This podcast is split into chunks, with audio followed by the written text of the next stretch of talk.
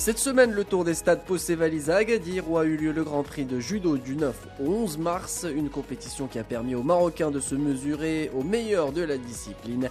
Et la belle performance est incontestablement à mettre à l'actif de la Marocaine Asma Nyang qui a décroché la médaille d'or pour les moins de 70 kilos. Nyang a dominé la portoricaine Maria Perez, pourtant vice-championne du monde.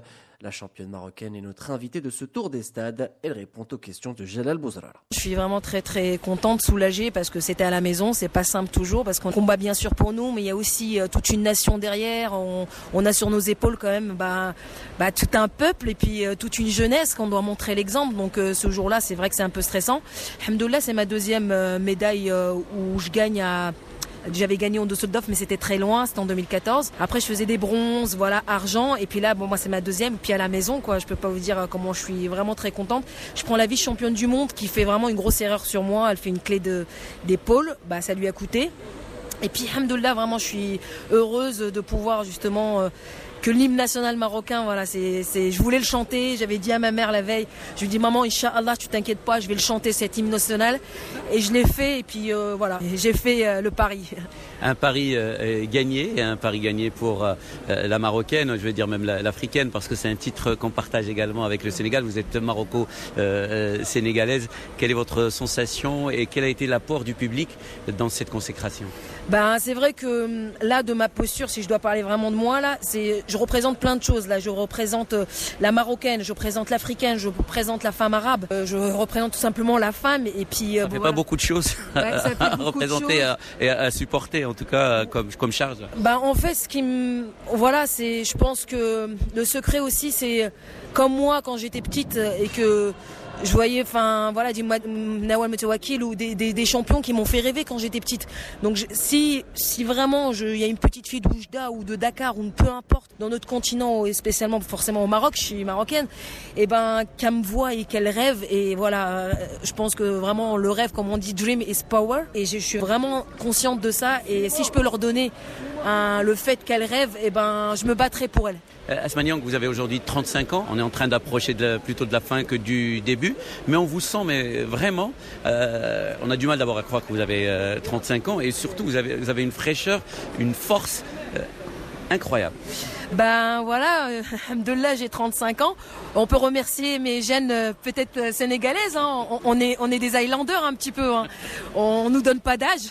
On sait jamais quel âge on a. Donc, ben, à vrai dire, on va dire, il y a une phrase que j'aime beaucoup, c'est euh, on a l'âge vraiment de ses objectifs. Et là, c'est qu'un chiffre. Et en fait, justement, c'est que moi, comme j'ai commencé le judo à 20 ans, très très tard, j'ai voilà, j'étais une, je suis une retraitée des, pompiers de Paris, mais ancienne militaire, donc j'ai un peu une vie de comme cette Donc euh, et donc comme je suis avec des jeunes, là, je suis qu'avec des juniors c'est eux qui me donnent cette force et j'ai l'impression que je suis une junior avec eux. Donc euh, voilà, je suis qu'avec des jeunes autour de moi au, judo. Donc quand je les vois faire, voilà, j'ai toujours ce, cet air curieux d'apprendre. Et le jour où j'arrêterai, je voudrais peut-être plus apprendre, je pense que je décrocherai. Mais aujourd'hui, j'ai encore faim de victoire, j'ai encore euh, faim de bah, d'apprendre des choses. Euh, Asma c'est ma dernière euh, question. on sent une, une énorme, en tout cas, un énorme souffle de, dynamisme au niveau de la, fédération royale marocaine de, judo. beaucoup de compétitions de très haut niveau, un Masters, un championnat du monde de, judo, euh, et puis aujourd'hui euh, ces, grands prix. À côté, il y a aussi la formation. Il y a plein de jeunes qui, pointent leur nez. Euh, c'est une nouvelle dynamique. Vous qui vivez dans ce le, monde du judo depuis bien longtemps, comment vous le vivez?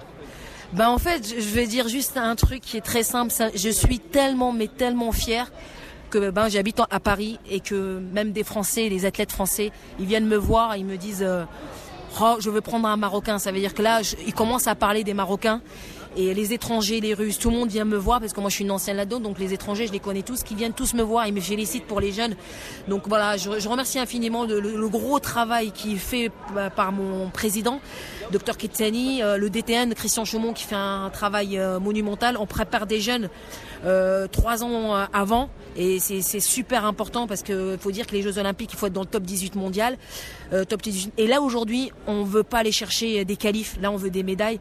Et le judo marocain, certitude au fond de moi que le travail paye et je suis sûr s'il garde ce rythme, un jour il y aura beaucoup de médailles euh, comme les Géorgiens, comme les Russes et j'en suis persuadé. Et si on reste soudés et euh, Inch'Allah, il y aura beaucoup de médailles, j'en suis certaine même. À noter que durant ce Grand Prix d'Agadir, un autre Marocain s'est distancé en allant décrocher une médaille. Il s'agit de Essam Bassou qui est allé chercher le bronze dans la catégorie des moins de 70 kilos.